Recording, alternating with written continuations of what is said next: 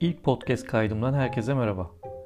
Meslek meselesinin çerçevesine önümüzdeki günlerde, aylarda sizleri hangi bölüm ana başlıkları bekliyor onları paylaşmak üzere bu kaydı yapıyorum.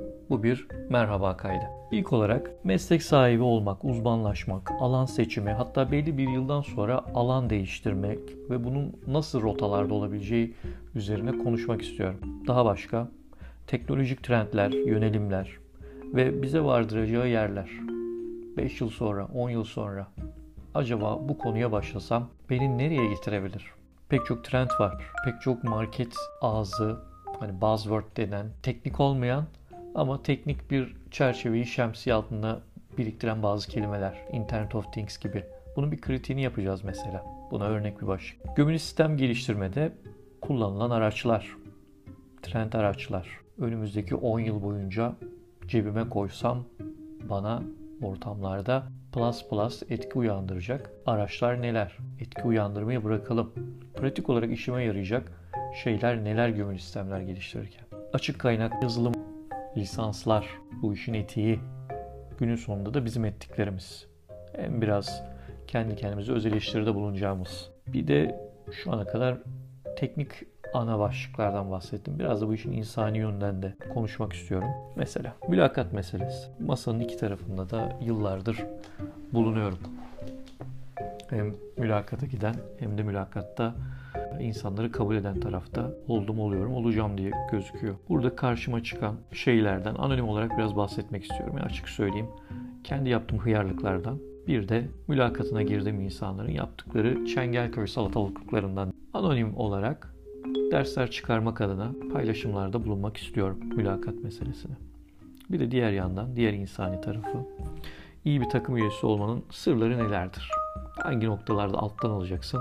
Hangi noktada üste çıkacaksın? Biraz da işimizin insani, en önemli insani yönlerinden bir tanesi. Takım üyesi, iyi takım üyesi olmak. Bu konuyu biraz konuşmak, belki bir birkaç bölüm konuşmak istiyorum. Onun dışında sıfırdan bir konuyu ben nasıl öğreniyorum?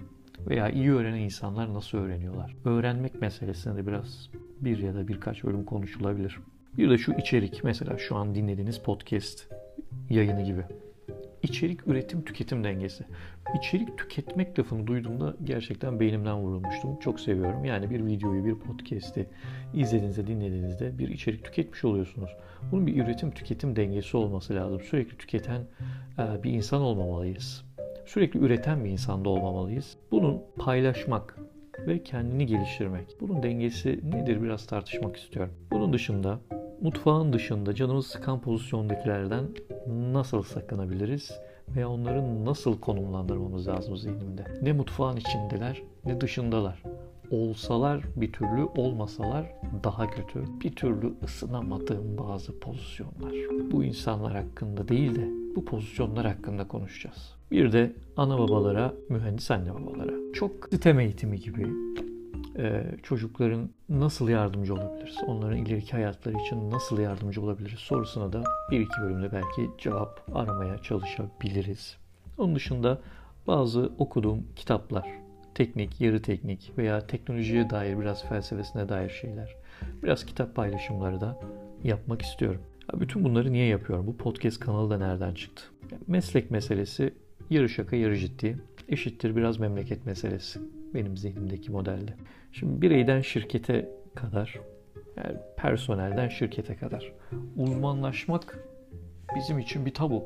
Uzmanlaşmayı çok önemsiyoruz. Ama pratikte pratikte uzmanlaşmayı yok sayıyoruz. Yaptığımız hareketler uzmanlaşmayı yok sayan bir atmosferi solutuyor bize. E bu da bir türlü birçok sektörde bir türlü oturmayan bir dikey olarak bize geri dönüyor. Dikeyden kastım nedir? En ufak bir ürün bileşenini nereden alacağınız belli ve siz de büyük bir ürünün bir parçası, bir bileşeni olarak, bir alt sistem olarak neyi nereye satacağınız belli ise o sektörde dikey ilişki oturmuş demektir. Bu da şirketlerin uzmanlaşmasıyla, derin uzmanlaşmasıyla olur. Bu da o şirketlerin içerisindeki insanların bunu önemsemesiyle ve o şirketin de e, çok detay uzmanlar içerisinde barındırmasıyla olur. E, şirket bunu yapamaz hale gelebilir. O toplumda, o sırada yöneticilerin böyle bir ufku olmasına rağmen personel bulamıyorum, personel bulamıyorum diyebilir evet. O toplumun uzmanlaşmaya niyeti yoksa, uzmanlaşmaya önem vermeye niyeti yoksa, kolayın peşindeyse, gelişmemekte ısrar eden bir toplum olursa, yani gelişmekte olan diye bir tırnak içinde ifade var ya, gelişmekte olan modunda takılı kalmış kısır döngüyü besleyen bir arka plan gerçeğine dönüşmüştür. Ne? Bu bizim uzmanlaşmayı önemseyen ama yok sayan hallerimiz. Uzmanlaşmak nedir? Her gün yaptığınız şey uzmanlaştırır sizi. Her gün yaptığınız şey. Her gün yaptığınız şeye de meslek denir zaten. Her gün sürekli sabah kalkıp akşama kadar yaptığınız şey meslektir. Sadece para kazandığımız şey değil. Uzman olduğumuz için para kazandığımız şey meslek olsun. Böyle bir dertle bu podcast yayınlarına başlıyorum. Hadi bakalım. Hayırlı olsun. Yeni bölümlerde görüşmek üzere.